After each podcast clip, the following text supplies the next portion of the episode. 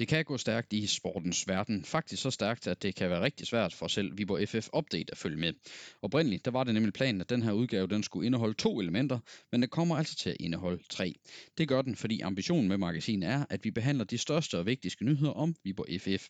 Og sådan en, den tækkede ind onsdag, da vi havde slukket optagerne og var ved at gøre den planlagte udsendelse klar. Jesper Fredberg, han har forlænget sin aftale med Viborg FF frem til sommeren 2024, og det er altså selvfølgelig så væsentlig en nyhed, at den også skal med i udsendelsen. Derfor så kan du lidt senere høre et frisk interview med sportschefen, som sætter ord på både sin forlængelse og på sine snart to år i klubben. Men derudover så skal vi altså forbi flere andre ting. I den første del, der skal vi behandle den første spillerunde i slutspillet. Vi skal lave en power ranking over de seks klubber i oprykningsslutspillet, og så skal vi altså se frem mod øh, Viborg FS kamp på lørdag mod Fredericia. Dernæst så kommer så selve det her omtalte interview med Jesper Fredberg, og til sidst så tager vi fat på et rigtig alvorligt emne. Viborg FF's offensivspiller Junis Barkish, han blev nemlig i kamp mod Esbjerg i marts ramt af en hjernerystelse. Vi bringer til sidst i udsendelsen et interview, hvor Jonas Bakis øh, fortæller om, hvordan han har det, og lidt om, hvordan det er at være blevet ramt af en af de her hovedskader, som der er meget fokus på i fodboldens verden netop nu. Her i uh, Viborg FF Update, der har vi jo den faste opstilling, som er mig, sportsredaktør Danny Christensen, og så har jeg min uh, trofaste makker Christian Hall, en mand, som jo uh, for nylig er blevet uh, 40 år. Tillykke med det, Christian. Tak skal du have. Det var så, skønt i, i at nyde sin fødselsdag i påskesolen. Ja, og nu kan vi så uh, bryste os af, at sportsredaktionen er 80 år til sammen. Altså, det synes jeg faktisk, det er ikke så slemt uh, taget i betragtning af, hvor mange år vi har fulgt det. Vi er, vi er 80 år til sammen, man har fulgt Viborg FF sådan i, i rundt regnet 25 år til sammen, så det er vel, det, det er vel okay på, på den måde der. Ja, det, det, det lyder meget godt. Og den her udgave af VFF Update, den, den skal jo som sagt behandle den aktuelle situation. Viborg FF er jo kommet i gang med, med det her slutspil, og et af de faste elementer, som vi kommer til at arbejde med her i, øh, i de kommende måneder, det er det, vi kan kalde en power ranking. Efter hver spillerunde, der har vi simpelthen tænkt os at så prøve at komme med en vurdering af styrkeforholdet mellem øh, de seks hold, som er med i oprykningsslutspillet, så øh, jeg har i hvert fald sat mig for, at jeg skal se en hulens masse fodbold næste tid, for jeg ser ikke kun Viborgs kampe, jeg prøver også at se de andre kampe i, i oprykningsslutspillet, så vi ligesom kan vurdere lidt, hvordan er styrkeforholdet internt. Så vi skal i, øh, i den her udgave, der skal vi både lave den her power ranking, hvor vi simpelthen fra 1 til 6 prøver at vurdere, hvordan er øh, styrkeforholdet blandt øh, klubberne i øh, slutspillet. og derover så nørder vi også lige en lille smule mere ned i, i kampen mellem øh, HBK og VFF, og selvfølgelig øh, sådan, øh, i, med, med det sigte, at vi ser lidt frem mod den øh, kommende kamp mod øh, Fredericia. Så, så jeg synes, vi skal, vi skal starte med det. Øh, jeg ved ikke, du, du får lov til at bestemme. Du lige har følt dig, Christian. Hvad synes du, vi skal starte med? Skal vi starte med at lave den her power ranking, eller skal vi starte med at, at, at, at kigge lidt, øh, lidt betragtninger for HBK-kampen? Jeg synes da bare, at vi skal gå lige på hårdt med power ranking. Jamen lad os så gøre det øh, på, på den måde. Jeg synes jo, vi skal, vi skal, være, øh, vi skal starte nedefra. Det, er det ikke den måde, man gør med hitlister og den slags ting? Så, jo, så, det, så bygger man spændingen op. Så bygger man spændingen op øh, nedefra. Øh, og øh, nu, nu er det mig, der ligesom øh, har, har sagt noget nu, så jeg synes næsten, du skal have lov til at prøve at komme med, med dit bud. Hvem har du på en øh, 6. plads lige nu? Jamen der har jeg FC Fredericia også øh, på en klokkeklar 6. plads. Jeg synes... Øh, jeg synes, Fredericia viser en svag form i øjeblikket. Øh, en, et hold, som er hårdt ramt af skader, måtte spille med midtbanespillere i, i forsvaret mod Viborg FF. Øh, og mod Esbjerg. Øh, ja, undskyld, selvfølgelig ja. mod Esbjerg. Ja. øh, Viborg FF, det er næste spilrunde. Ja. Øh, men det er, jo, det er jo et hold, som jeg ikke rigtig kan kende fra, fra tidligere tider. Jeg synes jo, Fredericia plejer at være et, øh, et rigtig boldfast hold, som, øh, som godt kan lide at spille øh, noget god fodbold langs øh, græstæppet. Øh, men jeg synes jo, at det i øjeblikket er Fredericia hold, som laver utrolig mange øh, uprovokerede fejl, har mange boldtab i kampene, øh, har svært ved at, at kontrollere øh, kampene. Det er også et hold, der, der forsvarer øh, decideret dårligt i, i perioder, øh, giver mange chancer væk. Øh, og det var jo også et hold, som lige pludselig var ved at ryge i, i nedrykningsspil, men altså klare sig med i det her øh, oprykningsspil. Øh, og som, som det ser ud lige nu, der, der ser det ikke ud til, at Fredericia kommer til at få voldsomt mange point i, øh, i det her slutspil. Øh, jeg, jeg synes, det ser, ser skidt ud for Fredericia, og det er et rigtig godt tidspunkt, at vi på FF skal møde Fredericia altså allerede i, i næste spilrunde. Ja, og jeg, jeg er helt enig. Jeg har også placeret øh, øh Fredericia på, øh, på 6. pladsen i den her power ranking øh, klokkeklart. Jeg sad og så den her kamp mod Esbjerg, og jeg sad jo med den fornemmelse, at det var ikke fordi øh, Esbjerg spillede godt, det var mest fordi de mødte et, øh, et hold, der simpelthen var, jeg var pivring, og det, øh, altså jeg, jeg er måske sådan lidt rå at sige, at Fredericia skal være glad for, at de overhovedet kom med i det her øh, oprykningsslutspil, fordi de har ikke ret meget at gøre i top 6 i første division øh, i den aktuelle forfatning. Det er et hold, der er øh, øh defensivt, øh, voldsomt vakkelvognt, øh, og øh, det er et hold, der er fuldstændig tyndt besat. Altså det er, det er spillere, som vil øh, ja, på gode dage vil være reserver, der får lov til at starte ind, og de kan knap nok skifte ud, fordi der på bænken sidder spillere, som øh, også har, sådan som jeg har fået det klaret i hvert fald, er, er så skadet, at de faktisk ikke kan holde til at spille fuldtid, så derfor bliver de nødt til at have spillere på bænken, som kun har en, en halv time eller, eller den slags ting i sig for overhovedet at fylde bænken. Og det siger lidt om, hvad det er for en forfatning, Fredericia er i lige nu. Der, hvor, hvor man kan sige, hvis jeg skal sådan, øh, forsvare dem en lille smule, det, det nu har du sagt en hel masse om, hvor, hvor, hvor dårligt det er, der, jeg synes stadigvæk, Fredericia, de rummer nogle individualister, der kan gå ondt på nogle hold.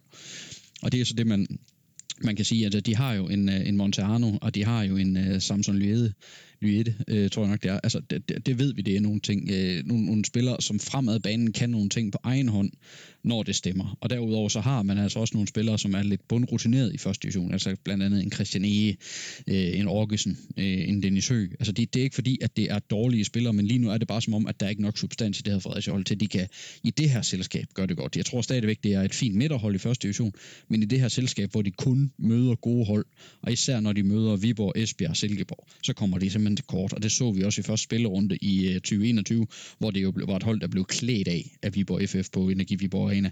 Og hvis ikke Fredericia de får nogle spillere klar, hvis ikke de får holdt op med at lave alle de der børnefejl. Altså jeg kan godt forstå, hvis øh, Michael Hansen han var sur, fordi det var altså forsvarsspil, og det var opspil øh, på et niveau, som var fornærmende ringe for et hold af Fredericia standard, som de præsterede mod Esbjerg, og det var, øh, det var virkelig ringe, og hvis ikke de får strammet op på det, så bliver de klædt af flere gange i det her åbningsudspil, vil jeg mene. Så Fredericia for mig, det var den letteste plads at placere i den her power ranking, fordi det var altså en 6. plads.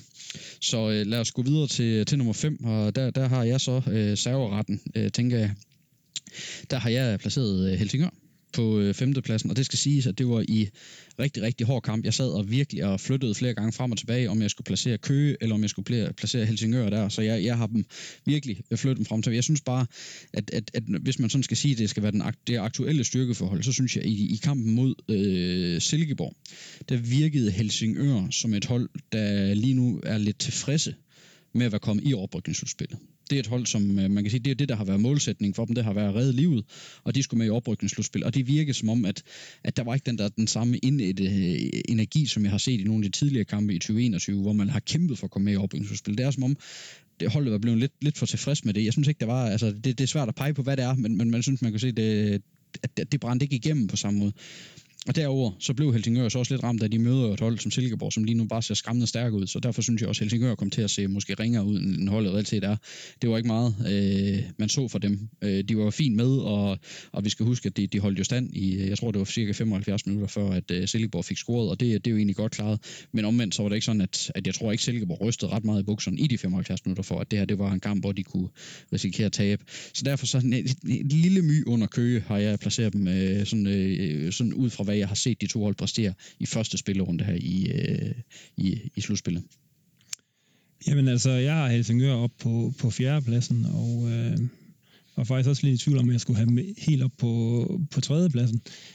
Men altså bedømt kun på én spillerunde, så synes jeg, øh, så synes jeg også, at, at det, det er fint, at de, at de skal være nummer fire. Jeg synes jo, jeg synes jo, Helsingør har øh, her i foråret var en helt stor åbenbaring faktisk i, i øh, første division i forhold til, hvad man, hvad man kunne forvente. Øh, jeg er ret begejstret for deres måde at, at gribe kampen an på, og den måde, de, de gerne vil spille fodbold på, hvor de gerne vil i hvert fald forsøge at kombinere meget øh, langs jorden, og jeg synes, de har en, en god blanding af, af rutine og unge kræfter, som, øh, som gør det rigtig godt. Det er min fornemmelse, at der er sindssygt god stemning i Helsingør i øjeblikket, og at de gerne vil øh, også vil, gerne vil præstere rigtig godt i, i det her slutspil.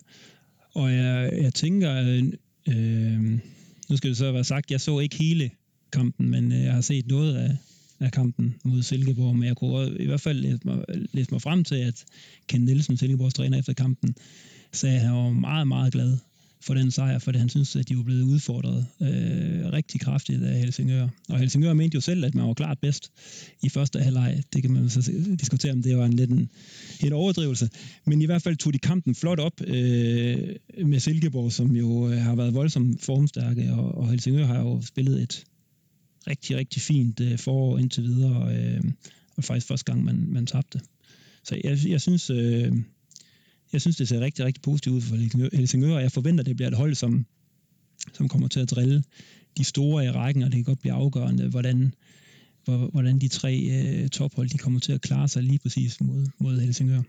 Ja, så jeg er, ikke helt, jeg er ikke helt enig med, altså jeg synes, at Helsingør er en tak højere op end, ja. end HB Køge. Og det var som sagt også det, altså det er lidt de samme ja. overvejelser, jeg har siddet og gjort øh, frem og tilbage om, om Helsingør. Jeg havde dem også længe på en fjerdeplads, og så, så, så jeg kan godt give mig og så sige, at, øh, at vi kan bytte rundt, det er, det er slet ikke det.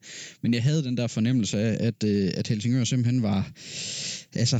Det, det, at de var overmatchet, eller? Det, nej, de var ikke overmatchet, og de tog kampen op, og alt det der, det er jeg jo fuldstændig enig i, at de, de var det. Jeg sad bare med en fornemmelse af, at hvor skal, hvor skal truslen komme fra? Altså det var sådan et hold, de kunne godt spille, og de kunne godt gøre noget, men, men, men jeg sad ikke og, og tænkte, jamen de scorer lige om lidt, eller de må, nu må de da snart score, eller, eller hvad man nu kan sige. Det, det var ikke den fornemmelse. Det er grunden til, at jeg har dem lidt, lidt, længere, øh, lidt længere væk fra, øh, fra det. det, det, det øh, men, så det var mest den fornemmelse, at, at Silkeborg virkede i kontrol, selvom Helsingør var godt med. Okay. Øh, det tror jeg, det er den bedste måde at formulere det på. Øh, men, men altså, igen, øh, jeg, kan godt, øh, jeg kan godt gå med til at gøre det, fordi HB Køge, det var, det var meget tæt. Øh, der, hvor jeg har HB Køge øh, en, en tand over, det er, jeg synes, at det er, øh, det er et hold, som, øh, som virker frigjort. Det er et hold, jeg ved ikke om, det, det har frigjort noget energi, at man nu kender lidt mere en, en fremtidsplan. Altså, der kom jo det her i sidste uge med, at uh, Lars Jakobsen og Dan Lager er nyt trænerteam, og Aarhus skal være direktør et sted, og alt, alt det der. Og nu er man kommet med i uh, slutspillet, hvilket man er helt vildt glad for. Og ja, så kan det godt være, at, altså, at det uh, køgehold, der, der spillede mod uh, Viborg FF her uh, lørdag, at det var, uh, det var et hold, som var, uh, som var egentlig lidt ramt. Altså, det manglede Eddie Gomes, som jo plejer at fylde rigtig meget i forsvaret. Det manglede Mark Jensen, som om nogen er en dygtig spiller, og de manglede noget offensiv x-faktor i øh, uh, Adedei, som jo plejer at være en af dem, der kan gå ondt på modstand. Det manglede de faktisk mod Viborg. Men alligevel så sad jeg med en fornemmelse, at det er bare et godt, solidt sammensat hold, som bliver svært at åbne. Det er ikke sikkert, at HB Køge kommer til at tæske mål ind i den anden ende, men det bliver bare et hold, der bliver, uanset om de spiller ude eller hjemme, kan blive rigtig træls og åbne, fordi det er et hold, der virkelig bare har sat sig for, jamen prøv, vi skal være svære at slå. Lidt, lidt, lidt samme stil, som man kan sige nogle gange Viborg har været selv. Altså der med, at det skal være et hold, vi arbejder så hårdt for hinanden og kæmper så meget for at holde nullet, altså holde, holde de andre væk at vi bliver svære at slå. Og det er lidt det derfor, jeg tror, at Køge kan blive sværere at slå end Helsingør, hvis man kan for, forklare det sådan. Fordi jeg tror, at Helsingør er sådan et hold, der godt kan... Altså, jeg synes ikke, deres forsvar, det er nær så dirkefrit som Køges, for eksempel.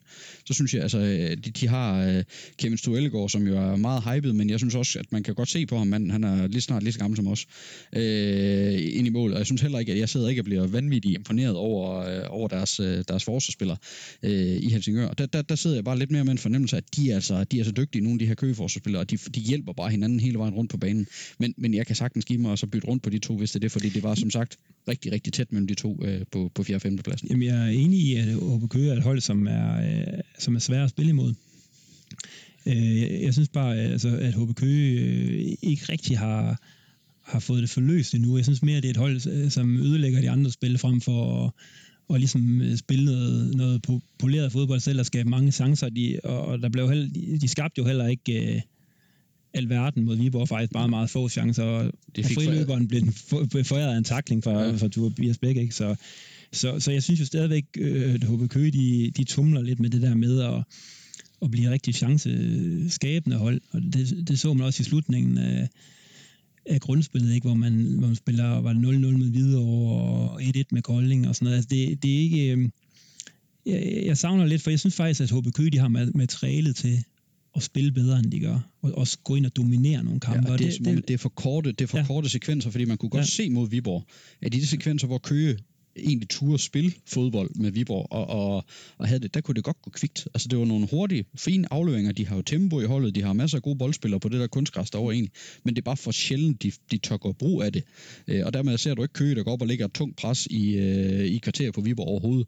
Det var jo to minutter ad gangen, hvis øh, Viborg de, de var ude af kontrol, og så fik Viborg jo lynhurtigt stresset dem til at få bolden, og så stod øh, de igen og forsvarede. Så, ja, så det, det er jo faktisk godt undre sig over ja. med, med det materiale, øh, HB Køge har. Øh, men ja, i øvrigt, så er det jo i den seneste uge er det jo den mest hypede klub ja, det må man i første division. Det ser jo... Det, det kan også være, det har smidt af på min bedømmelse. Men, men det ser i hvert fald, øh, det, det, det er jo utrolig godt for, for første division i, i næste sæson. Ja. Ja. Men, øh, men, øh, men lad os, ja, lad os, ingen får det nemt, lad os sige det sådan. Ingen får det nemt mod Køge. Nej. Ja. Lad, os, lad os sige, at uh, HB Køge får en femteplads, og Helsingør får en fjerdeplads. Ja. Så har du også fået lidt goodwill uh, i dag uh, på den måde. Ja, en forsinket følelsesdag. Vi skal op på, uh, vi skal op på en tredje plads. Uh, hvem, hvem ser du som uh, rækkens uh, aktuelt tredje stærkeste hold lige nu? Jamen, der har jeg jo klart, øh, Esbjerg har klart forstået på den måde, at de ikke er i nærheden, synes jeg ikke, af de to andre hold, der ligger over dem. Jeg synes jo nærmere, at de bevæger sig ned i, øh, i nærheden af Helsingør. Jeg synes, ikke, øh, jeg synes heller ikke, det var nogen, nogen overbevisende start på, på det her slutspil, Helsingør, eller hvad hedder det, Esbjerg fik, selvom man, man vandt over Fredericia. Øh, gav en gigant chance væk efter få minutter til Christian E. som man, altså, Ja, det var lige før, jeg skulle til at sige, at jeg selv kunne have scoret på den. Det er ikke sikkert. Men, det tror jeg ikke, jeg har set fodbold. men, men der var voldsomt stor, ikke? Og, og jeg synes slet ikke, det så... Altså, det ser slet ikke øh, dirkefrit ud hos Silkeborg. Eller nej, hos Esbjerg. Jeg synes ikke, jeg, jeg synes ikke Esbjerg spiller, spiller specielt godt. Det er jo selvfølgelig en klar fordel for dem, at de har fået Jakob Angersen øh, tilbage nu. Øh, Finn Bogerson er så altså noget skadet. Kauko udgik i pausen, så jeg ved ikke også om, pausen, hvad, hvad, det, hvad det, det, jeg har ikke set nogen meldinger på, hvor, hvor slemt det har været Nej, med ham endnu. Øh, så jeg synes, altså jeg vil, hvis jeg var Esbjerg, så ville jeg altså have noget øh, bange anelse også nu, når man øh, skal møde Silkeborg i den næste, i den næste kamp, øh, og så skal til Viborg efterfølgende, fordi det kan blive på dyre uger. Det kan blive et par rigtig dyre uger for, øh, for Esbjerg. Altså jeg vil ikke gå så langt som at sige, at at vi kan nærmest placere de to oprykningsbilletter efter de to næste spillerunder, men det er tæt på. Ja, det er tæt det, på. Altså, for Esbjerg nu, altså sådan lege med tanken. Ja. Altså, får Esbjerg nu 0 point i de næste to spillerunder, hvilket jo ikke er usandsynligt. Det er bestemt ikke usandsynligt. Og, at det er, og skulle det så ske, at det er to spillerunder, øh, altså som man siger, vinder Viborg over Fredericia, vinder Viborg over Esbjerg, så, så snakker vi altså lige pludselig 12 point til Viborg. Øh, ja. Esbjerg har til, til førstepladsen. Med 21 point at spille om. Med 21 point ja. tilbage at spille om. Og, og vi skal så huske, at øh, der, der, så vil Silkeborg jo også lige pludselig have chancen for at faktisk at være 7 point for. Ja. Altså det, øh, Silkeborg et point foran Esbjerg nu, vinder de over ja. Esbjerg, så er det fire, og taber Esbjerg så til Viborg runden efter, og Silkeborg vinder, så snakker vi altså 12 og 7 point. Det er det. Øh, og, og det er delen dyt med mange point, som Esbjerg skal hente, og du skal huske, de, i de der sidste runder, ud af de 21 point, der er der altså igen møder med Viborg og Esbjerg, og de har Helsingør to gange også, som vi lige har siddet og snakket om, bliver rigtig, rigtig svært. Ja. Så har jeg godt nok svært ved at se Esbjerg det, i den nuværende forfatning, om at de henter så mange point. Det, Selvom jeg også selvfølgelig tror på, at øh, Viborg og Silkeborg også nok skal få deres pointtab undervejs, det er jeg ikke i tvivl om, men det er delt dyt mange point, man skal hente på dem så. Ja, så det er, altså det er et Esbjerg-hold under enormt stort pres lige nu, og på et tidspunkt, hvor det ikke flyder øh, optimalt for Esbjerg. Så det, så det er lidt et dobbelt, øh, dobbelt pres. Man skal have egne ting til at fungere bedre, samtidig med, at man, øh, at man, man i stillingen skal holde sig til i stillingen. Ikke? Så det, ja, den, den, der, men, der er pres på Esbjerg. Men også det, jeg, jeg sidder også med Esbjerg og sidder og, og kigger. Jeg ved godt, jeg har været rigtig meget efter Esbjerg nærmest hele sæsonen, fordi jeg har set rigtig mange Esbjerg-kampe, og jeg har endnu ikke nærmest set Esbjerg. Hvad er det? Altså, hvad er det for en retning, man vil? Hvordan er det, man vil vinde fodboldkampe? Det er stadigvæk sådan noget med, altså hvor jeg kan se Silkeborg og Viborg, der kan jeg et eller andet sted se noget, noget idé, jeg kan se noget, øh, altså en taktik, en stil hos de to klubber, og, og, det, og det er ret tydeligt at, at lure, hvad det er, der skal til for at få dem til at vinde fodboldkampe. Hos Esbjerg er det lidt som om, at vi sætter 11 ind, og så satser vi på, at de er så gode, og det skal de nok finde ud af på et eller andet tidspunkt. Fordi det er jo sådan, spiller for spiller, at det er jo masser af kvalitet. Altså Antvi er jo en, en, en dygtig bak på første divisionsniveau. Øh, som du siger, Ankersen er jo måske en af de første, største profiler i første division. De har Kauko, de har en øh, velafprøvet målscorer nu i øh, Finn Bogerson, som, øh, som kan lave mål. Derudover har de en masse spændende talenter også, øh, som, øh, som løber lidt rundt, og de har jo egentlig nogle relativt erfarne folk nede bagved, altså hvor, øh, hvor de også har hentet Kasper Pedersen ind. Men stadigvæk sidder jeg jo sådan og siger, jamen de forsvarer dårligt. Der er ingen sammenhæng i deres spil, og de bliver ikke særlig farlige, medmindre det er på dødbold eller på modstandernes fejl. Altså, jeg sidder ikke sådan og ser et Esbjerg-hold, hvor jeg bare sidder ved, ah, nu må den komme mod Fredericia var det jo øh, mere eller mindre alle de her foræringer, som vi talte om før, hvor Fredericia gang på gang smed bolden væk og nærmest sagde, værsgo Kravko, nu får du lige en chance, eller man giver den øh, væk øh, op midt på egen banehalvdel. Det er jo den, den slags chancer, de får, eller efter dødbolde. Så det er jo ikke sådan, jeg sidder og så, og så bare siger, hold da op, at det der Esbjerg-hold, de bliver godt nok, øh, altså det, det, det, det er frygteligt at møde dem. Nej, altså det er, det er et hold, der, der, der har nogle gode individualister, men de skal med også skinne igennem i det her slutspil, hvis Esbjerg skal have en chance for at danse med Viborg og Silkeborg, vil jeg mene. Helt bestemt. Altså, vi må bare sige, at, øh, at vi har været skuffet over Esbjerg indtil videre, og det er jo øh, det er selvfølgelig bare godt for Viborg. Øhm, og der er ikke noget, der lige i sol, måne og stjerner, der tyder på, at, øh, at det sådan lige bliver voldsomt meget bedre, sådan lige her med et for, for og, Esbjerg. og det er jo så spændende at se, hvad sker der så med Esbjerg? Altså hvis nu, altså, er det et hold, der bliver dukket? Altså lad os nu uh, sige, at de er lidt ramt lige nu. Finn Borgesen er væk. Måske Kauko ude. Uh, Jakob Ankersen er lige, uh, eller Ankersen er lige kommet tilbage fra, uh, hvad hedder det, fra en skade. Kan han, hvor meget kan han gøre alene nu her? Jamen skulle det være et hold, der nu risikerer at blive dukket næste uge, hvad sker der så? Altså er det sådan et hold, der så siger, okay, så flader de ud, fordi så er der nogle spillere, der godt kan måske miste mod at sige, det her, det bliver sgu nok umuligt. Øh, fordi øh, der er jo også nogen, der måske tænker på sig, så skal de ikke spille i sæson 2 i første division i, øh, i Esbjerg. Der, jeg kunne stadigvæk godt se nogle, nogle af de spillere, der løber rundt i Esbjerg, som ikke tænker sig som første divisionsspillere. Altså en Kauko. Han vil med til EM til sommer for, for Finland. Det kan jeg godt være, han ser en mulighed og siger, okay, kan jeg nu komme med til DM, så skal jeg da væk fra den der første division. Det er da ikke det, jeg er i Danmark for. Øh, selvom jeg kan ikke se, at, at han måske øh, i Danmark har så stort navn, han kan komme videre, det ved jeg ikke, men altså, det, det, altså, det, er, øh, det, det, det er sådan lidt, lidt svært at se, og det er lidt spændende, hvordan øh, det udvikler sig for Esbjerg, for, for dem er jeg godt nok skuffet over i forhold til det materiale, de egentlig har til rådighed.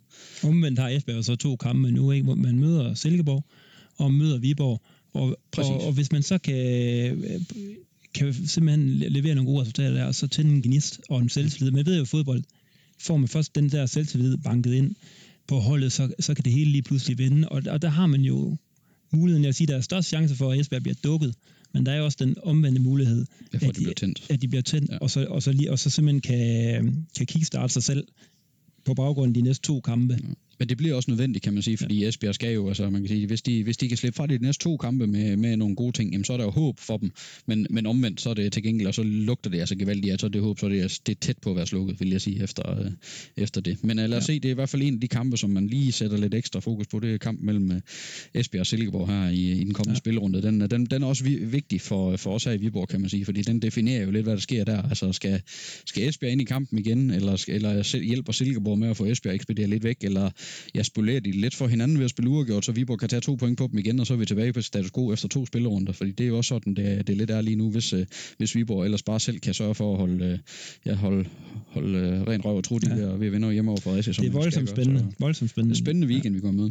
Men det er også lidt spændende, nu kommer vi op og skal faktisk øh, placere de to øverste pladser. Vi har to pladser bag, vi har en anden og en første plads og i vores øh, power ranking, og øh, det er vist min tur. Ja, det må være dig, ja, men så, så har, afslører du så også begge pladser. Så afslører jeg i hvert fald, hvordan jeg har vurderet ja. begge pladser. Jeg har altså jeg har Viborg som nummer to lige nu. Øh, det er jo to enormt formstærke hold, der er på første og anden pladsen, både øh, Silkeborg og Viborg, men jeg har Viborg et lille my under Silkeborg lige nu. Jeg synes, Silkeborg har fået, øh, og det er så også den, nu kan jeg tage begge to, for det er ligesom for forklaringen på den. Silkeborg har jo, øh, har jo været skræmmende stærke her hele 2021. Det er som om, at de har fået tætne de ting, der ikke skulle, øh, der ikke skulle ske. Man har fået øh, ja, tætne defensiven. Det er et hold, der, er, der ser ud til at være at lukke bedre af, end det har gjort øh, i, øh, i efteråret. Samtidig er, har det så fået tilført Niklas Helenius, som jo bare giver noget foran. Man har fået Magnus Madsen på vej tilbage i form lige nu. Det giver endnu flere våben offensivt. Og det, at de to tager så meget opmærksomhed, det gør så måske også, at det er lettere at være Nikolaj Valys, for eksempel, som man så score to gange mod Helsingør her for, forleden. Så jeg synes simpelthen, det er en, en rigtig, rigtig velafbalanceret fodboldmaskine. Lige nu Silkeborg, de spiller god fodbold, de skaber masser af chancer, de lukker fint af. Så jeg synes simpelthen, det er et skræmmende stærkt hold lige nu i øh, første division, som jeg altså vurderer til at være, være det stærkeste. Jeg synes også, Viborg ser rigtig god ud. Nu øh, smed Viborg et point ud mod HB Køge, men det er jo, præstationen var jo rigtig god spillemæssigt. Jeg synes, det var super flot, den måde, man, øh, selvom HB Køge forsvarede sig så godt, som jeg stod og sagde før, hvor jeg egentlig synes, det var dedikeret, at de forsvarede delt med også med mange mand. Det var tit med Essen Gucci, som var forreste mand. Han lå sådan øh, midt ned på øh, Køges egen banehalvdel og forsvarede dernede.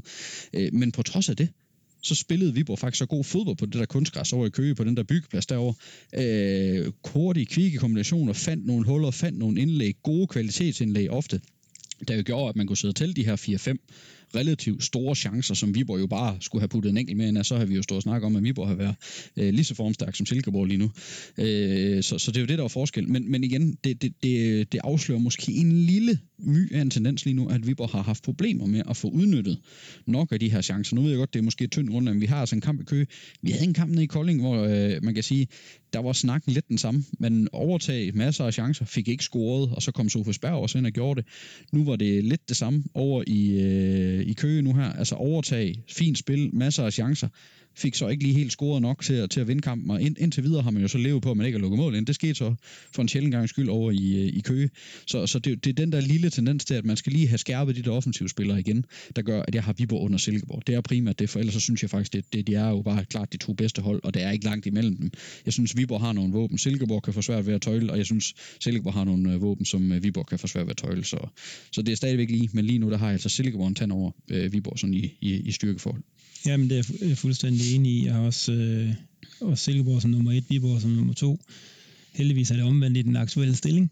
Og øh, jamen altså, jeg, jeg synes jo også, at øh, altså, Viborg spillede jo egentlig som et tophold øh, mod HB Køge. Øh, gjorde, hvad man skulle, skabte de chancer, der skulle til øh, udnyttede så ikke nok. Man skulle bare gøre ligesom øh, Jakob Bunde gjorde med den der yderside. Den bliver nødt til at lige rose. Det var, ja, det var et fuldstændig imponerende spark i den. Ja, fantastisk mål. Det så godt nok let ud, og man ved, det var bare slet ikke let. Og det skal så siges, det var jo hans tredje forsøg, så tredje gang var lykkens gang for ham. Han har haft ja. et hovedstødsforsøg ved bagerste stolpe, hvor han, jeg ved ikke rigtig, om han får ramt med hovedet eller skulderen, eller hvad der sker, men der var han faktisk lige ved at score.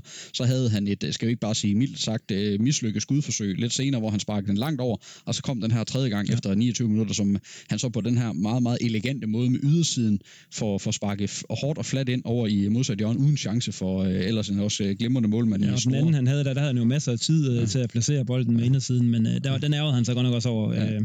Øh, med den teknik, han har, Jakob ja. Bunde, så var det også en, en øh, relativt stor mulighed. Ja må man 10 sige. sæsonmål. Altså, vi, vi kan ja, det, den mand det, nok. Altså, nej, det er okay. altså en, en midtbanemand, der laver 10, 10 mål i, i den her ja, så kan det, det godt, der kommer et par stykker på straffe, men det er altså imponerende. Ja, øh, og de der kunstbaner, de, de bekommer man altså vel med, med den gode teknik. Øh, jamen, så jeg hæfter mig også ved, at Viborg jo øh, defensivt øh, gør det rigtig godt igen, og det er jo bare sort uheld med det, med det mål. Og så er det også så stærkt at så også komme tilbage igen, og, øh, og, og man stadig fortsat er, er ubesejret. Altså, øh, men hvis man kan fortsætte det her solide for, bundsolide forsvarsspil og give så lidt væk, så ser det altså, så ser det altså virkelig godt ud. Så det er heller ikke sådan, jeg er ikke særlig, jeg er faktisk ikke bekymret, altså på baggrunden af, af den kamp. Øh, og, og så Silkeborg, ja, som du siger, øh, en fodboldmaskine, var det ikke det, du kaldte det? Jo. Altså, Vel af, af, afbalanceret. Ja, ja, lige præcis. Altså, syv sejre i træk og 16 net i målscore. Niklas Helenius med halvdelen af målene, og ja, nu bliver jeg nødt til at lige nævne Patrick Gundersen, som jeg stod i Viborg, men han er også bare kommet ind og, øh, det mål, der lå ind, det var så ja, drop af det var så, Andersen, det var købet sige. Det skal vi lige nævne. Ja, det, det er jo lidt, ja. det var egentlig Han har lavet flere drop, end Lukas Lund har. Det har han, ja. Men øh, de har lukket et mål ind hver. Ja. Jamen altså, de siger, altså, de, jeg synes simpelthen, Silkeborg og, og, og Viborg i øjeblikket er, er øh, med afstand de bedste hold, og sådan skulle det bare for, helst fortsætte, så har vi det jo fint med, at det er de to hold, hold der, der rykker op.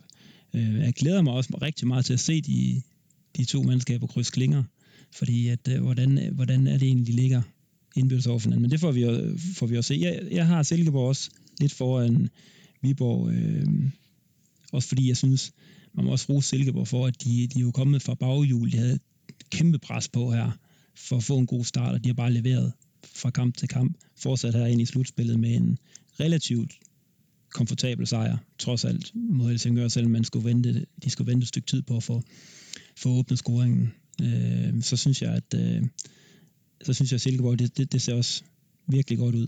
Og det bliver jo også spændende at se for dem jo. Altså, det, ja, de, nu har de Esbjerg en, en, ned på en græsbane lige pludselig også. Altså. Ja, og som jeg bare, personligt er jeg bare glad for egentlig, at også se Silkeborg folde sig ud nu, fordi at, øh, jeg kan huske bare i slutningen af sidste sæson, hvor øh, jeg så flere af Silkeborgs kampe, og jeg tænkte, de, er bare, de spiller bare noget rigtig dejligt fodbold. Det er fedt at se på. Øh, og så derfor glæder jeg mig også over, at, øh, at Silkeborg nu rykker forbi Esbjerg, fordi altså, jeg vil bare hellere se Silkeborg spille fodbold lige nu, end jeg vil se Esbjerg spille fodbold, det må jeg bare sige. Øh, så øh, ja, så lige nu, jeg synes, det er de, helt, lige nu de to helt klart rigtige oprykkere i Silkeborg og Viborg. Ja, vi fastholder lidt det, som jeg, jeg tror, jeg skrev det en af vores øh, bagkanten-klummer her øh, for ikke så længe siden, hvor jeg, hvor jeg også mente, at det var altså bare de rigtige oprykkere, som det så ud lige nu. Det vil være, være Viborg og, og Silkeborg, hvis de rykker op, så, så det fastholder vi. Men dermed så kommer vi igennem vores øh, power ranking, og vi laver jo altså nye power rankings løbende her i løbet af, af slutspillet, som jo var hen til slutningen af, af maj, så vi ligesom får genopfrisket og se, om der kommer nogle forskydninger undervejs. Det skal der nok komme. og vi er allerede sådan godt inde i det, Christian, så jeg synes ikke, vi skal dvæle alt for meget mere ved HB Køgekampen. Vi har allerede sat lidt ord på den afstand øh, begge to. Så jeg synes mere, at vi skal se en lille smule frem mod den her kamp mod Fredericia, som øh, venter på, øh, på lørdag for Viborg FF. Øh, og som vi lige har stået og snakket om, Fredericia, de virker piv ringe, Viborg virker ganske solide og skaber rigelige med chancer.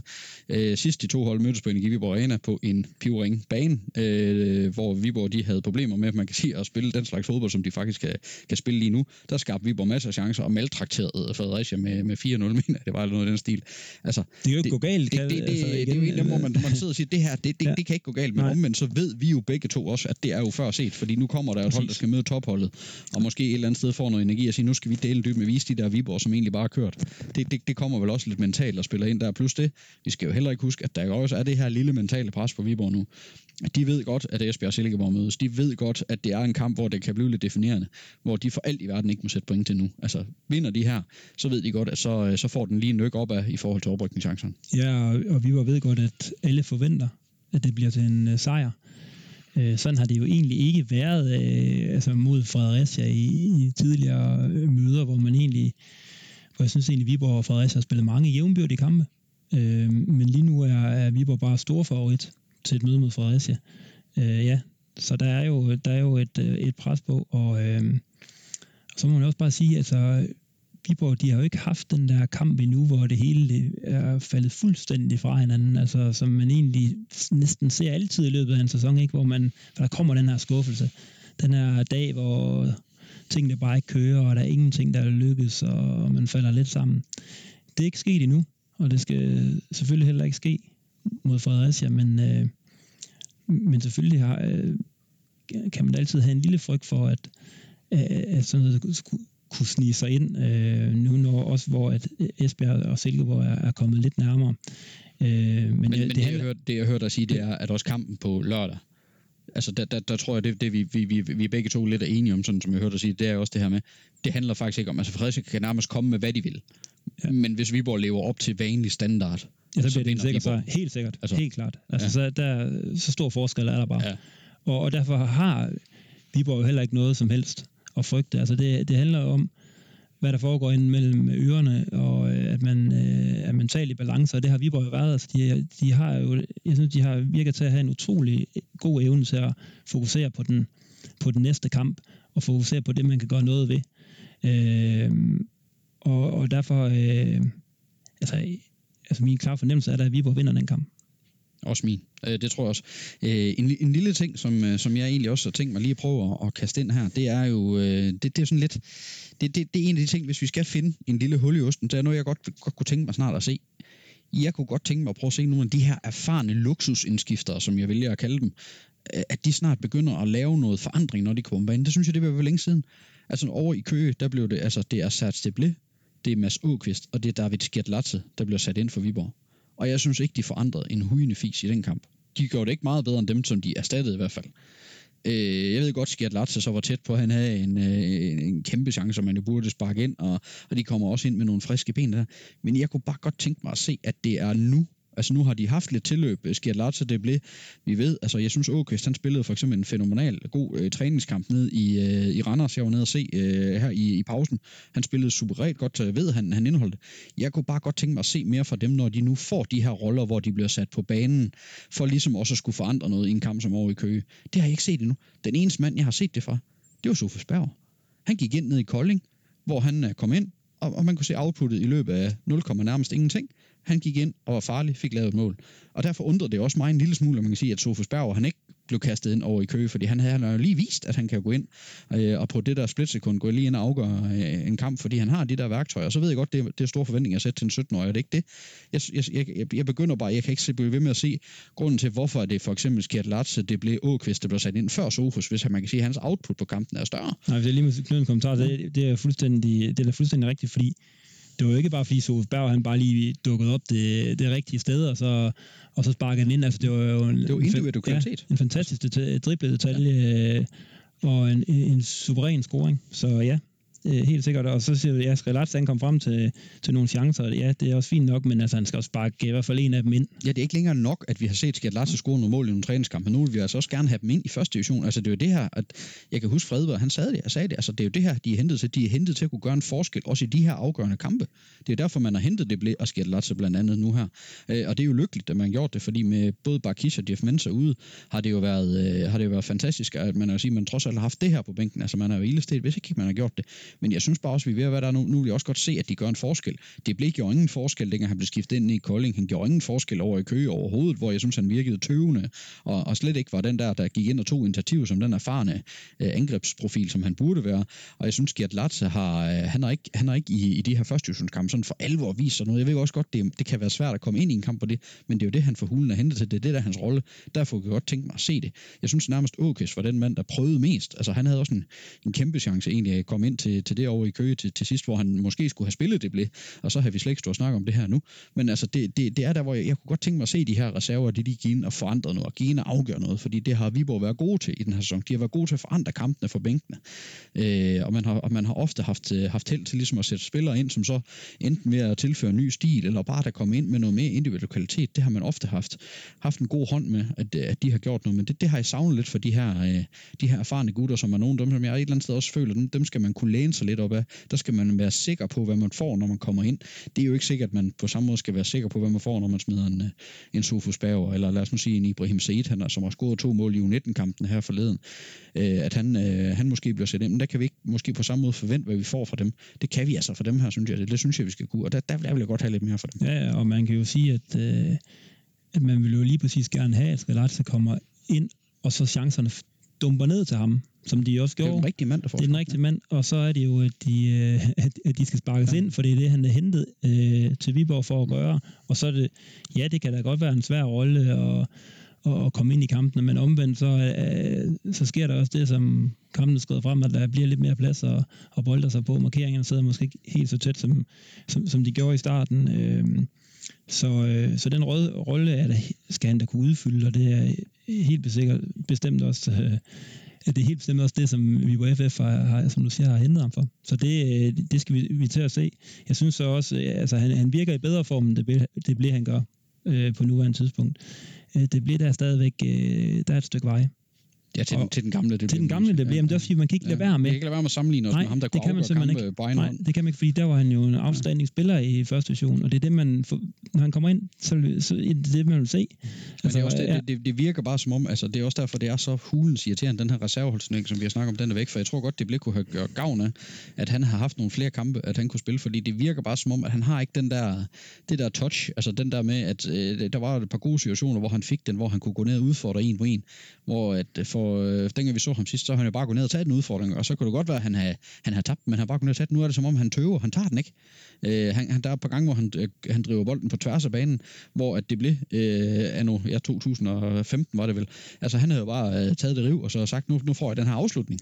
Ja, og Jamen, dengang havde han jo ingen problemer med at, at tørre en 3-4 mand, så er det godt være, at nogle gange han begiver sig ud på ja. nogle for lange solo hvor han til sidst mistede bolden, men han havde i hvert fald ingen problemer med at sætte en mand af, Nej. og havde heller ikke, øh, og havde bestemt ingen, øh, ikke mangel på lyst til at udfordre. Mm. Nej. Så, det, så, så, så, så det er lige sådan, og det er jo sådan noget af det, jeg håber, at man også i en kamp mod Fredericia får at se. Altså nu, jeg, jeg ved ikke, det kan jo også godt være, at, at vi skal huske, at nu har Viborg jo haft de her par kampe, som vi har nævnt, hvor man har haft det problemer med at få omsat chancen. Jamen det kan da godt være, at Lars Friis vælger at sige, okay, jamen øh, hvis ikke Sebastian Grønning og Jata og Bæk, de har, øh, de har kunne omsætte det, jamen så kan det da godt være. Altså nu ved jeg ikke, Jata han udgik jo med en skade, så der, som vi ikke øh, ved, hvad, hvad status er på endnu. Så det kan være, det kommer helt naturligt, men det kan da også godt være, at Lars Friis tænker, jamen prøv, så bliver vi jo nødt til at, at forsøge os med Skjert Lars fra start, og det kan jo være, det er en anden rolle. Det er jo gået meget godt i, i uh, træningskampen, når han har her start starten. Det kan også godt være, det er det, men det er også derfor, vi har bare brug for, at de ændrer noget, når de bliver brugt. Om det så er som indskifter, eller om det er nu som startspiller. Og det håber jeg lidt, man kan se, øh, også i en kamp mod Fredericia, hvor de nok skal komme i spil. Altså det håber jeg, man ser, at, at det, det stadigvæk betyder noget, at Viborg har den her fremragende bænk. For jeg sad jo også og, og kiggede ned over bænken over i Køge, altså her, okay, det er altså godt nok mange første divisionshold, der vil være glade for at starte med nogle af de spillere, Viborg har på bænken, og derfor så skal de også kunne forandre noget, når man den sammenligner med, at Køge, der lige manglede fire spillere, så der var væk. Altså dem havde de ikke, det var jo øh, pure unge spillere, der blev sat ind for, for HB Køge, nogle af dem i hvert fald. Øh, så så det, det, det er sådan lige en, en ting, jeg håber også at se i den her Fredericia kamp, det er, det kunne være fedt at få gang i nogle af de her folk. Øh, virkelig få en succesoplevelse. Ja, vi FF, de er så brede, at de begynder at sætte spillere fra førsteårstruppen ned på U19-holdet. Ja. Så det siger jo lidt om... Ja, hvor både øh, ja. Sofus Berg var øh, opmand til et mål, som øh, et selvmål dernede, og Christian Wagner scorede, og Ibrahim Said scorede for anden kamp i træk for 19-holdet. Så, mm. så der er altså nogen, der, der banker på af de unge, så det bliver også spændende at se, om det er nogen af dem, der kommer i spil, selvom det er, det er måske også det, vi, vi kan sige, men det er måske også hårdt for en Said, for en Christian Wagner. Det, det, det, er ikke, det er ikke dem, vi forventer, der skal spille en rolle i det her trods alt afgørende oprykningsspil. Der er Nej, det mere... men Sofus Berg har bevist, at han, han kan gøre en Han forskel. kan godt gøre en forskel, så øh, lad os, lad os krydse fingre for det. Men øh, har du mere omkring omkring lørdagens øh, Fredericia-kamp, eller skal vi bare satse på, at øh, vi, øh, når vi måske mødes i næste uge, at så er Viborg tre point rigere, og så ved vi lidt om, om Silkeborg de er ved at godt i gang med at hjælpe Viborg med at sætte Esbjerg helt aldeles af, eller om det, det, det lige pludselig bliver sådan, at det er de to hold der, der skal kæmpe om andenpladsen, og så kører Viborg ellers bare derud af. Jamen lad os uh, snakke ved. Lad os, gøre, lad os gøre det i hvert fald. Vi glæder os i hvert fald til at se, hvad der sker her i, i de kommende spillerunder, og vi byder selvfølgelig ind med masser af analyser her i MFF Update. Og det var så den del af Viborg FF Update, som vi oprindeligt havde planlagt. Men uh, der skete jo ting og sager i løbet af onsdagen, så herefter der kan du høre et helt frisk interview, som jeg har lavet med sportschef Jesper Spredberg, som altså onsdag forlængede sin aftale med Viborg FF. Men uh, Jesper, du har jo fået forlænget din aftale med Viborg FF, så det nu bliver en uh, overmålskontrakt frem til sommeren 2024, og altså ikke længere en, uh, en funktionæraftale. Altså, hvad siger du til, at, uh, ja, at, at det er det, der, der er sket? Jamen altså, først og fremmest så er jeg jo, så er jeg rigtig glad for at være i, i Viborg FF. Øh, så, så, så det var egentlig den, den, den første del, jeg var, jeg var glad for, at man, at man gerne vil fortsætte ting.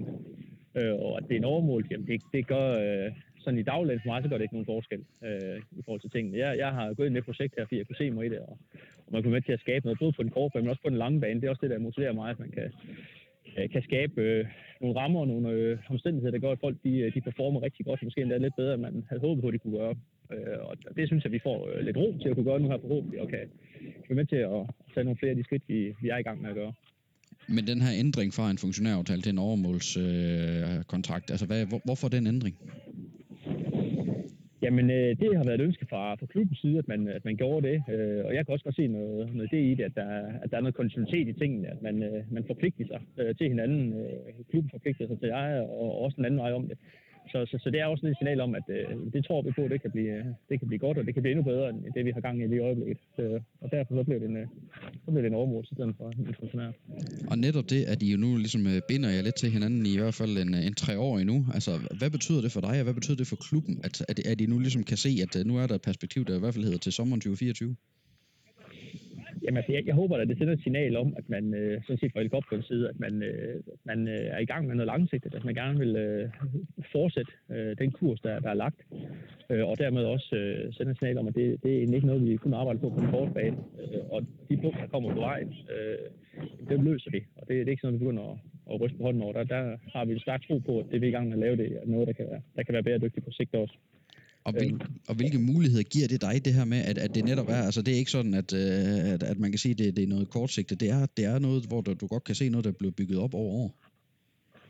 Jamen det, det er jo det, jeg synes, der er motiverende. Det er det, der gør, at jeg, øh, jeg kan se mig selv i det her også. Det er jo netop, at, øh, at, at man tør at, at skubbe til nogle af de eksisterende rammer, at vi, at vi tør at gøre nogle ting, som, som man ikke har gjort tidligere. Det er for mig en klar faktor, også i den position, som, som vi på FF er i så har det været vigtigt for mig, at, øh, at man havde det mindset. Øh, og det er jeg blevet bekræftet i, og det er selvfølgelig også godt, at jeg også er, er klar til at, at komme ind på en, på en længere bane på det. Ja, hvilke overvejelser har du haft omkring netop det her med, at du, du, du binder dig lidt på en, en, en længere bane? Fordi man kan sige, det er jo en, en, også en, en sport, hvor man, man kan sige, der er jo karrieremuligheder hele tiden, der åbner og lukker sig og alle den slags ting. Men, men nu kan man sige, nu er du lige pludselig på kontrakt frem til tom, og sommeren 2024. Altså, hvilke overvejelser har du gjort omkring det? Jamen altså, det er jo ikke anderledes, at da jeg gik ind i fra start, der havde jeg egentlig også en hensigt om, at det skulle være, være på lang sigt. Øh, og så, øh, så har jeg bundet mig nu her, og det, det har det godt med. Øh, og kommer der nogen, der, der synes, at gør det godt, så må de selv snakke med Morten. Og, og hvis Morten ikke synes, at jeg gør det godt, så er en kontakt jo heller ikke anderledes. Så kan de jo stadigvæk godt skille af med mig og få mig ud af vagt, hvis de ikke synes, det er godt. Så, så, så det, er, øh, det, har været en, det har været en nem øh, afklaring for mig, for jeg synes ikke, at det gør sådan en stor ændring i forhold til tingene. Jeg, jeg er helt vildt glad for at være her. Og hvis man er glad for at være her, så, så har jeg heller ikke problemer med at komme ind øh, i forhold til tingene. Og, øh, og så sker der noget derfra, så må tingene ske, og så må man, øh, så må man tage det derfra. Men øh, jeg tror på, at man præsterer bedst, når man er et sted, hvor man er glad, og man, øh, går fløjtende på arbejde hver dag, og det har jeg gjort øh, i langt, langt, langt størstedelen af alle de dage, jeg har været herude, og det har været, det har været det vigtigste at kunne, at kunne fortsætte det. Ja, ja. Og, og lad, os, lad os så lidt tilbage, fordi du kom til, i, øh, til Viborg FF i foråret 2019. Altså, jeg, jeg mener, det var noget med maj 2019, at, øh, at, at du blev præsenteret som ny sportschef. Og man må jo ja. altså sige, at det har ikke været kedeligt at være sportschef i VFF de seneste år. Altså, du har haft en masse udfordringer omkring målmandspost, kan jeg huske. Der er skiftet massivt ud i trænerstaben. Der har været på forskellige cheftræner, der skulle findes. Der har været den her famøse Verhagen-sag, som, som heller ikke helt bliver glemt. Og så har du selvfølgelig også været en af hovedmændene bag en ny spillestil og du også skulle udfolde den her nye strategi, som Viborg skulle, eller som gerne skal gøre Viborg til en Superliga-klub, også på lang sigt, og der, vi slås jo også alle sammen stadigvæk lidt med coronaens påvirkning af fodbolden, og så har jeg jo garanteret i den her opremsning allerede glemt en, en hel masse andre ting. Altså, jeg sidder sådan og bliver helt forpustet nærmest der rammes op nogle af alle de ting, vi har været igennem, fordi vi snakker jo som, altså vi snakker jo ikke engang om to år endnu. Hvad har det været for en tid for dig? Jamen, det, det, er jo, det er jo rimelig godt ramset op. Det, det, det har været fuld fart på fra start af.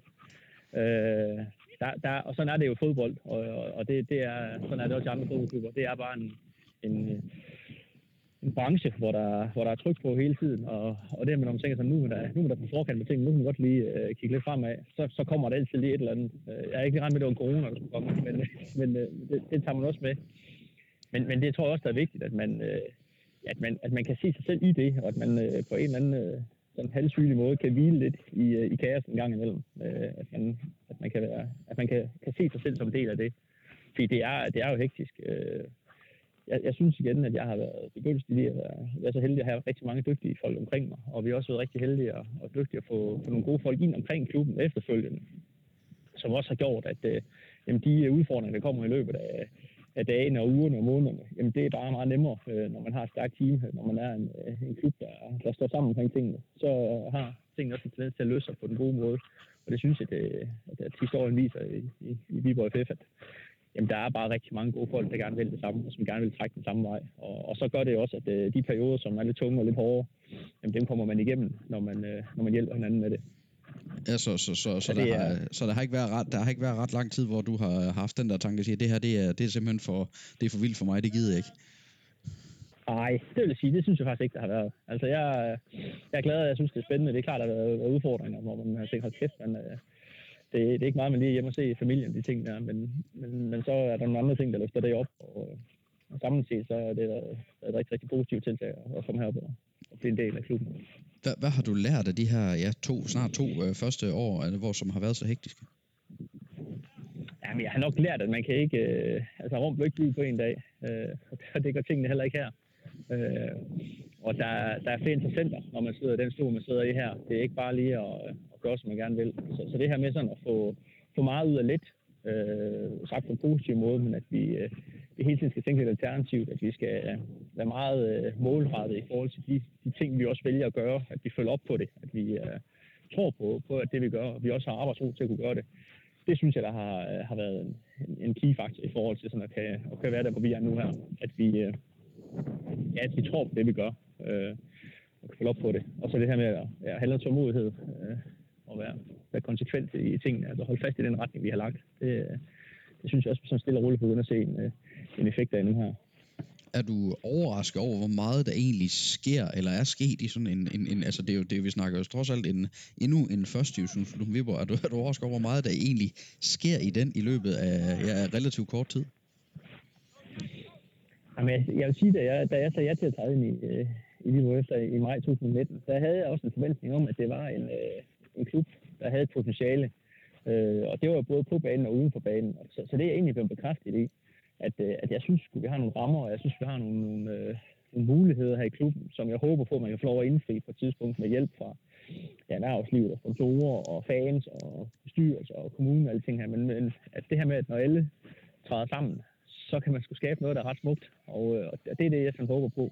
Og det synes jeg, at man får bekræftet, at der, der sker noget i Viborg, og folk vil gerne have, at der sker noget. Og det er også det, der, der er motiverende, det er at beskæftige sig med noget, som, som folk også har en holdning til, både på godt og ondt. Øh, og det, er, det, det, det motiverer mig også, det er der ingen tvivl om. Og der er jo ingen, øh, der er ingen tvivl om, der er, der er sket rigtig meget i uh, Viborg FF. Altså, det er jo også en, øh, en klub, der jo, uh, at man kan sige, uh, resultatmæssigt, så, så var man for, for to år siden, da du kom, der lå man også og kæmpede om at komme op i Superligaen, og det, det gør man sådan set stadigvæk, så, så der er man egentlig ikke uh, kommet så videre. Men, men alle os, der følger klubben, vi kan jo godt se, at der, der har været en udvikling i klubben uh, de, sidste, de sidste to år. Hvordan har du selv, altså hvordan vil du sådan selv prøve at beskrive den, den udvikling, der er sket, siden, uh, siden du tog, tog fat dengang i maj 2019? Jamen, jeg synes, at, øh, at da jeg kommer til, så synes jeg, at der ligger et rigtig, rigtig godt fundament. Der har blevet lavet rigtig mange gode ting øh, i klubben, og det var der også dengang, jeg kom til. Øh, så, så det, var, det var et godt tidspunkt at komme til, synes jeg, på det, øh, i forhold til tingene. Og så synes jeg, at derfra og så til nu, jamen der synes jeg, at vi har været øh, ret målrettet med at få implementeret den spillestil, øh, som, som vi tror, øh, og jeg har en idé om, kan, kan være med til både at være attraktiv på den korte bane, men også være bæredygtig på den lange bane i forhold til at, at kunne skabe nogle vedvarende resultater. Øh, så synes jeg det her med, at, at vi har kunnet få lov at arbejde øh, noget mere med, med talentsektoren og, og få den tættere på, have en strategi, men man gerne vil øh, prøve, så vi kan få de unge spillere tættere på, øh, har også været vigtigt for mig, øh, at man kan gøre de ting. Det har lidt lidt et knæk her under corona, det har godt nok øh, besværligt gjort en del, men, men jeg synes også, det har været, øh, været en faktor, som man kunne se, der, at vi har ændret lidt på øh, i forhold til tingene. Og så den her konstante mindset, altså skabe et, et miljø og en kultur om, at, at vi skal præstere, øh, og vi skal præstere hver dag. At vi ikke øh, udelukkende kigger på vores resultater i weekenden, men vi egentlig prøver at, at evaluere på vores præstationer i dagligdagen, øh, og hele tiden prøver at rykke det på den måde. Det synes jeg, der har været en, øh, været en spændende proces, som jeg også tror på, der har været, jeg ved, lærerigt for dem, der også er en del af derude. Så sådan, øh, når, man, øh, når man er så gammel som jeg er, så kan man huske, at der var en gang, man skulle sætte to streger under facit, øh, når, man, øh, når man afleverede en matematikopgave. Så sådan en konklusion, facit, altså hvor, hvor, hvordan ser du at VFF sådan anno 2021, anno 2019, dengang du overtog det? Ja, så synes jeg, vi er, øh, så synes jeg, vi er nået rigtig langt med vores spillestil. Jeg synes, vi har øh, nået langt med at skabe et, øh, et miljø herude, hvor, øh, hvor folk øh, trives og udvikler sig, øh, og, og får vist den bedste udgave af sig selv. Hvor vi er helt stringent, helt fra en bestyrelse til en uh, talentafdeling, med hvor er det, vi gerne vil hen, øh, og hvad er det, vi gerne vil, vil lykkes med. Øh, og så har skabt et, øh, en arbejdsplads med en, med en fantastisk dygtig stab øh, herude, øh, og medarbejdere, som øh, jeg hver dag går på arbejde for og løfte det hele. Det, det motiverer mig jo ekstremt meget, den del af. Øh, og så er det jo klart, så vil vi gerne op i Superligaen, der kan vi ikke se to streger under endnu.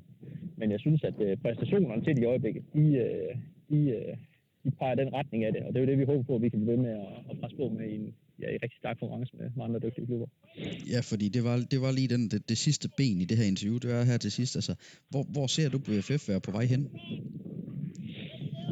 Jamen, altså, jeg ser, øh, at, at vi på sigt skal blive en bedre udgave af os selv hver eneste dag. Øh, og så er det klart, at hvis man sådan skal være, være så resultater til på muligt, så håber jeg, at det er en del af Superligaen. For det er klart det, der motiverer mig øh, i forhold til at, at, at skulle være her også. Og det er det også ved, med, med de andre folk i klubben. Men der er nogle faktorer, som vi ikke selv er helt herre over på det, øh, med det. Men, men jeg tror på, at, at kan vi komme derop, øh, men hver dag i hvert fald åbne nogle døre til nogle steder, vi ikke har været før, så tror jeg også på, at på et tidspunkt, vi kommer til at åbne døren ind til noget, vi, øh, vi ikke har oplevet før, og lige pludselig står og spiller mod nogle af de bedste hold igen. Og det er det, vi, vi gerne vil. Det er det, der motiverer os øh, i forhold til tingene. Øh, så, så kan vi fortsætte de ting, vi gør nu her, og blive ved med at lægge nogle lag på, og, og blive dygtige til det, vi gør, og blive øh, endnu mere nørdet om det, og, og stadigvæk være så stringente i forhold til den strategi, vi har valgt øh, at følge den, at vi ikke bliver alt for følelsesladet i en, i en verden, som er ekstremt sort-hvid på, på tingene så tror jeg på, at øh, på den lange bane, så skal vi øh, blive dygtigere og dygtigere. Og så skal vi selvfølgelig have tilført nogle midler, vi skal have løftet klubben og faciliteterne og sætte op og alle de ting her, så vi øh, kan blive endnu mere konkurrencedygtige på det. Men, men det vi kan gøre noget ved, som, øh, ja, som lige her nu ikke koster penge, der skal vi simpelthen være dygtige. Der skal vi øh, skabe et miljø herude, hvor vi øh, præsterer over norm, hvor vi øh, med til at gøre sidemanden til en endnu bedre udgave øh, af ham selv, hvis han stod alene. Og det, øh, der synes jeg, vi er godt på vej i forhold til at kunne nå det. Og, og så skulle det selvfølgelig gerne munde ud i, at man øh, på et tidspunkt kommer til at spille Superliga igen, og gerne, øh, gerne hurtigere end senere. Og det, øh, det, det er også, dermed er du også godt i gang med at svare på det sidste spørgsmål, det er, hvad det er for nogle skridt, som du mener, klubben skal tage i det kommende år, hvis man skal blive en del af den her. Altså, det er jo ikke, det er jo ikke nok at være i top 12 i, i Danmark, fordi så, så rykker man jo ned, hvis man kun er top 12. Man skal jo egentlig være en del af top 10, hvis man skal bide sig fast i Superligaen. Altså, hvad, hvad er det for nogle, nogle skridt, Viborg skal tage, hvis man skal op og nå det mål, der hedder, at man jo er top 10 i Danmark, og dermed altså øh, er en, en fast bestanddel af Superligaen? Ja, det er jo klart, at sådan på den, på den, på den korte og den, den lidt anderledes bane, så er det jo økonomien, vi skal have løftet. det er klart, det er en kæmpe faktor i fodbold, at man, øh, at man er konkurrencedygtig på økonomi. Men, men vi har det faktisk også ret godt med at håbe ikke at skal, øh, vi behøver ikke at have det samme budget øh, på ting. Vi vil rigtig gerne kunne arbejde med nogle af de andre ting derude. Så, så for os så er faciliteter vigtigt. Altså at vi har de bedste rammer i forhold til at kunne udvikle øh, ikke bare morgendagens øh, stjerne, men også øh, øh stjernen i øh, 2029 og 2030 det er også det, vi gerne vil prøve at arbejde på. Øh, og der kræver det, at man har nogle faciliteter, nogle rammer herude, som gør, at der vil vi gerne være konkurrencedygtige. Der vil vi gerne gå ud og sige, at vi, øh, at vi kan, kan være i hvert fald top 10 klubber, og gerne endnu bedre øh, i forhold til det. Det er, vores, øh, det er mit håb og min ambition om, at, det er, at, vi kan, at vi kan bygge noget, der, der er bygget til fremtiden, og ikke bare til, til morgendagens stjerner. Og nu er, nu er det i hvert fald slået fast, at du er en del af, af fremtiden i, i Viborg, i hvert fald øh, som det ser ud på papiret de næste, de næste tre år. Du skal have tak for det, Jesper, og så tillykke med, med kontrakten frem til, øh, til 2024. Mange tak for det. Og her til sidst, så skal vi altså til et ret så alvorligt emne, nemlig hovedskader i fodbold. I Viborg FF's seneste møde med Esbjerg i marts, der gjorde Jonas Bakis det rigtig godt, men den gode præstation den blev bræt stoppet, da den unge offensive tekniker han stødte hårdt sammen med brølstærke Rudolf Austin fra Esbjerg. Jonas Bakis han så tydeligvis rystet ud, da han forlod banen, og efterfølgende der har det altså også vist sig, at han havde pådraget sig en hjernerystelse, og det er altså en hjernerystelse, som har holdt ham væk fra banen lige siden. Netop hjernerystelser og hovedskader, det er altså noget, der i hele taget har fyldt rigtig meget i fodbolddebatten i de senere år, hvor der har været flere skræmmende eksempler på spillere, der er kommet rigtig slemt til skade, og på spillere, som måske fik lov til at spille videre på et tidspunkt, hvor de burde være taget ud. Her der kan du høre lidt om, hvordan Jonas Barkis han har oplevet at blive ramt af en hovedskade. Men øh, Jonas øh, Bakis, det er, øh, det er cirka en, en lille måneds tid siden, øh, at du øh, var ude for et, et uheld i en øh, hjemmekamp mod Esbjerg der i, ja, i, i midten af marts var det, hvor du, øh, du mm. stødte noget så gevaldigt sammen med Rudolf Austin. Øh, hvordan har du det egentlig nu her, hvor vi, vi snakker sådan, øh, ja vi er kommet, kommet lidt ind i april?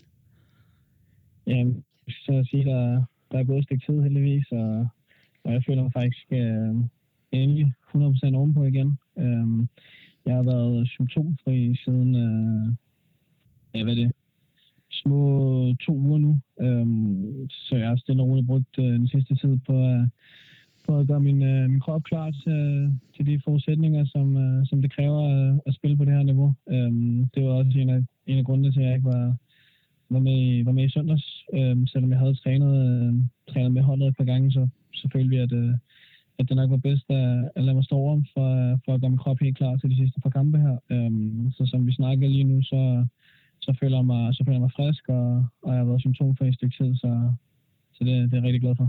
Ja, det er, jo, det, er jo, det er jo rigtig dejligt at høre. Altså, i den snak her, der skal vi selvfølgelig også øh, høre lidt mere om, øh, ja, hvordan vejen ser tilbage til fodbold ser ud. Den ser heldigvis ikke ud til at være så lang for dig så.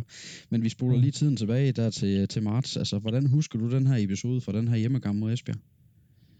Jamen, øh, jeg husker det ligesom om, at øh, jeg tror, det er Grønning, der får bolden ind på midten, og så, så prøver jeg at løbe i et hul, og sender en bold afsted øh, i luften, og, og jeg får lige hurtigt orienteret mig, mens bolden er i luften, og føler mig egentlig, føler mig egentlig ret alene, og jeg godt kan overbevise om, at jeg godt kan tage den her bold ned. Øh, fordi jeg synes, der, jeg, jeg får lige orienteret mig på oversiden, og jeg synes, han er, han er, han er for langt væk til at kunne, til at kunne nå bolden. Øh, og så, øh, som jeg husker det, og som, som jeg skal se på klædet bagefter, så er det faktisk mig, der kommer først på bolden. Øh, og får, øh, får hættet til den. Øh, men jeg når simpelthen ikke at se ham. Øh, jeg, synes, jeg tror, han kommer lidt fra min blinde vinkel. Øh, så får jeg bare en, øh, en, øh, en kraftig, jeg tror, det er en skulder i hovedet. Øh, og går egentlig, går egentlig umiddelbart ja, med det samme i gulvet. Øh, jeg prøver, jeg, det eneste, jeg kan huske, det er, at jeg prøver at rejse mig op igen. Eller det kan jeg faktisk ikke engang huske. Det, det har jeg bare set på, på videoen bagefter. Uh, jeg prøver at rejse mig op igen med det samme, og det, øh, det, det, det er overhovedet ikke uh, arbejde sammen til, til at gøre. Um, og for at være helt ærlig, så kan jeg ikke huske så meget fra episoden. Um, jeg kan bare huske, det eneste, jeg kan huske, det er, om, uh, om vores fysioterapeut, uh, Lars Møller, han spørger, om, uh, om jeg er okay. Øhm, og det eneste, han spørger mig lidt forskelligt og, og prikker mig og sådan, og det eneste, jeg, jeg kan få ud, få ud af min mund, det er, at jeg godt spille videre. Øhm, men se det, se det bagklodskabets lys, så, så er jeg rigtig glad for, for at de trækker mig ud på det tidspunkt, øhm, og var meget, meget konsekvente. Øhm, så stor ros til dem for, øh, for at pille mig ud der, selvom jeg står selv øh, lækker og siger, at jeg egentlig godt kan spille videre. Øhm, det kunne have haft, øh, haft øh, fatale konsekvenser, øhm, hvis, øh, hvis jeg havde øh, fået lov til at spille videre. Um, så jeg er i hvert fald rigtig glad for, at de reagerede på den måde og meldte en, uh, meldte en udskiftning rigtig hurtigt. Og, og nu har du, som jeg hører, du, du har også siddet, du har siddet og set klippet af, hvad der egentlig er sket. Altså, mm. hvordan er det at se sig selv på den måde? Fordi du lige nu, altså, jeg har været til gymnasiefester, hvor jeg er gået på samme måde, som, som du gjorde øh, der lige efter det her sammenstød. Altså, hvordan er det at se sig selv på den, den måde, altså være groggy, som du jo var der? Jamen, det er selvfølgelig aldrig sjovt. Um, det, det er faktisk første gang, tror jeg, i, i min fodboldtid, jeg har prøvet at, at, prøve at blive slået ud på den måde. Øhm, jeg synes, jeg har været god til sådan at passe på mig selv øh, i sådan nogle dueller, fordi jeg jo godt ved, at jeg ikke er den, er den største spiller på banen. Øhm, men, øh, men jeg synes stadig, set i bagspejlet, synes jeg stadig ikke, at jeg kunne have gjort noget ved den, for jeg føler også, at jeg kommer, jeg kommer først på bolden, men det er klart, det er ikke sjovt at, at se sig selv på den måde. Det, det kan faktisk være lidt skræmmende øh, set i bagspejlet lys. Øhm, så det var ikke så sjovt. Og, og som du også siger, du kan ikke, du kan ikke huske så meget andet, end at, øh, at Lars Møller, han, han heldigvis øh, var en af dem, der, der, der nok fik overbevist om, at det var en, en rigtig dårlig idé at spille, spille videre der. Men hvordan mm. har, hvordan har forløbet så været siden den der kamp mod, mod Esbjerg? Hvordan, hvordan har forløbet været for dig? Altså? Jamen, forløbet, forløbet gik sådan, at vi, vi ret hurtigt, da jeg begyndte at få nogle øh, symptomer med noget hovedpine, øh, Øhm, selve på aftenen øh, og, og dagen efter, der blev vi meget hurtigt enige om, at, øh, om at øh, det her det var en hjernerystelse. Øh, og så havde vi så en øh, lille kort periode hvor, på et par dage efter, efter kampen, hvor jeg skulle møde ind hver dag og, og skulle igennem diverse tests for at se, om det, om det var stillstand i det, om det blev værre, eller om det blev bedre, eller hvordan det var lavet. Øhm, så tog øh, mig og, og Møller, ja, vi tog sådan en, en beslutning om, at øh, Øh, og i den her periode, der træner jeg jo selvfølgelig ikke. Øhm, og så tog vi så en beslutning på et tidspunkt om, at øh, nu skulle jeg sidde helt ude og bare være hjemme, øhm, indtil, indtil jeg var fuldstændig symptomfri, for at, øh, at øh, jeg kunne vende tilbage i noget som helst, noget træning igen. Øhm, så jeg tror, jeg endte med at lægge stille i en, i en 14 dage, cirka, før, før jeg fik lov til at lave noget som helst, hvor min puls bare kom en smule op.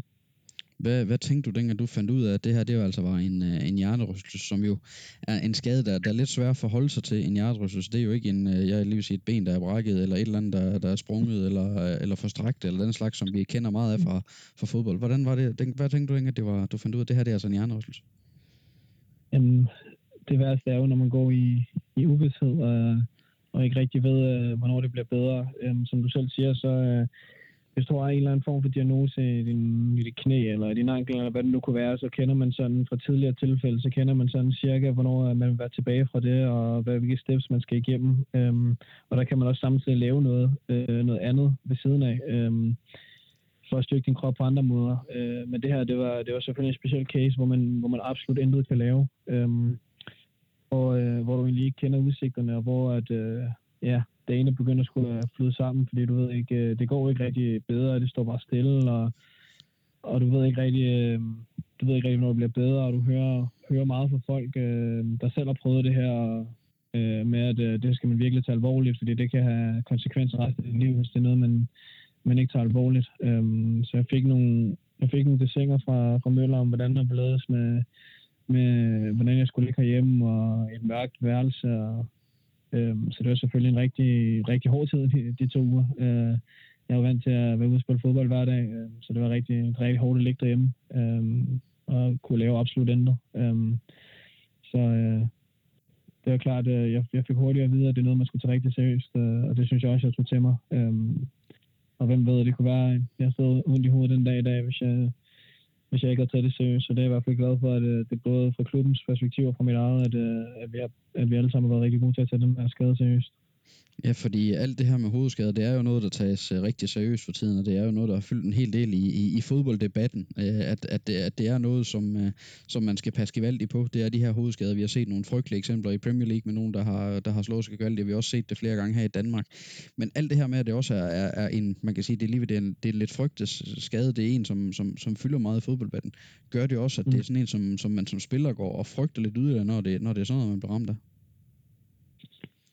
Ja, det er klart. Altså, man går med sin, øh, når det lige sker, og, og man har den der periode til, øh, i det første stykke tid, hvor det ikke bliver bedre, da det er klart, man står og, man står og tænker, hvad det her er for noget, fordi det har man ikke stået i før. Øhm, men øh, jeg synes faktisk, efter jeg begyndte træning, så gik den, de der tanker ret hurtigt væk. Øhm, lige så snart, at, øh, at jeg kunne træne og, og gøre alle de ting, jeg plejede, inden øh, jeg fik den her hjernerystelse, uden, nogen, uden nogen problemer, øh, og uden, øh, uden nogen tilbagefald eller symptomer. Øh, så synes jeg faktisk, at den her tanke er gået rigtig hurtigt væk. Øh, jeg har, synes, jeg hurtigt har været god til at, til ligesom at lægge det frem og, og tænke, at, øh, at øh, så længe jeg ikke har nogen symptomer, og så længe jeg ikke kan mærke noget som helst, så skal jeg bare klø på. Og, og det synes jeg, at det synes jeg var en rigtig dejlig følelse, øh, at man ligesom ikke øh, går og tænker over det mere. Men, det, men da man var i det, var det, var det, var det sgu irriterende, det her med, med, med uvidsheden, det var det værste.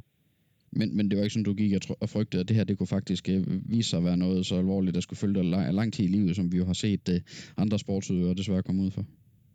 Uh, det synes jeg faktisk ikke, fordi jeg synes, jeg var god, eller jeg synes generelt, at jeg, jeg tænker altid, uh, jeg tænker altid best case. Um, så jeg synes, uh, jeg synes, jeg har været god til at, at ligesom uh, at tænke, at, at det skal nok få en ende det her, men, øh, men det er klart, når du går, når du er på på 12. dagen, og det stadig ikke er blevet bedre, så, så begynder der jo at dukke nogle, øh, dukke nogle tanker op om, øh, om, øh, om, ja, for at være helt ærlig, om man kommer til at, til at spille fodbold igen på det her niveau. Øhm, så det, det er klart, at, at når du ligger stille så mange dage, um, og det stadig ikke bliver bedre, um, øh, så det er klart, at, øh, at, at uh, så begynder der at poppe nogle tanker op, der ikke er så sjove op i hovedet om, om, ens, uh, om ens videre karriere.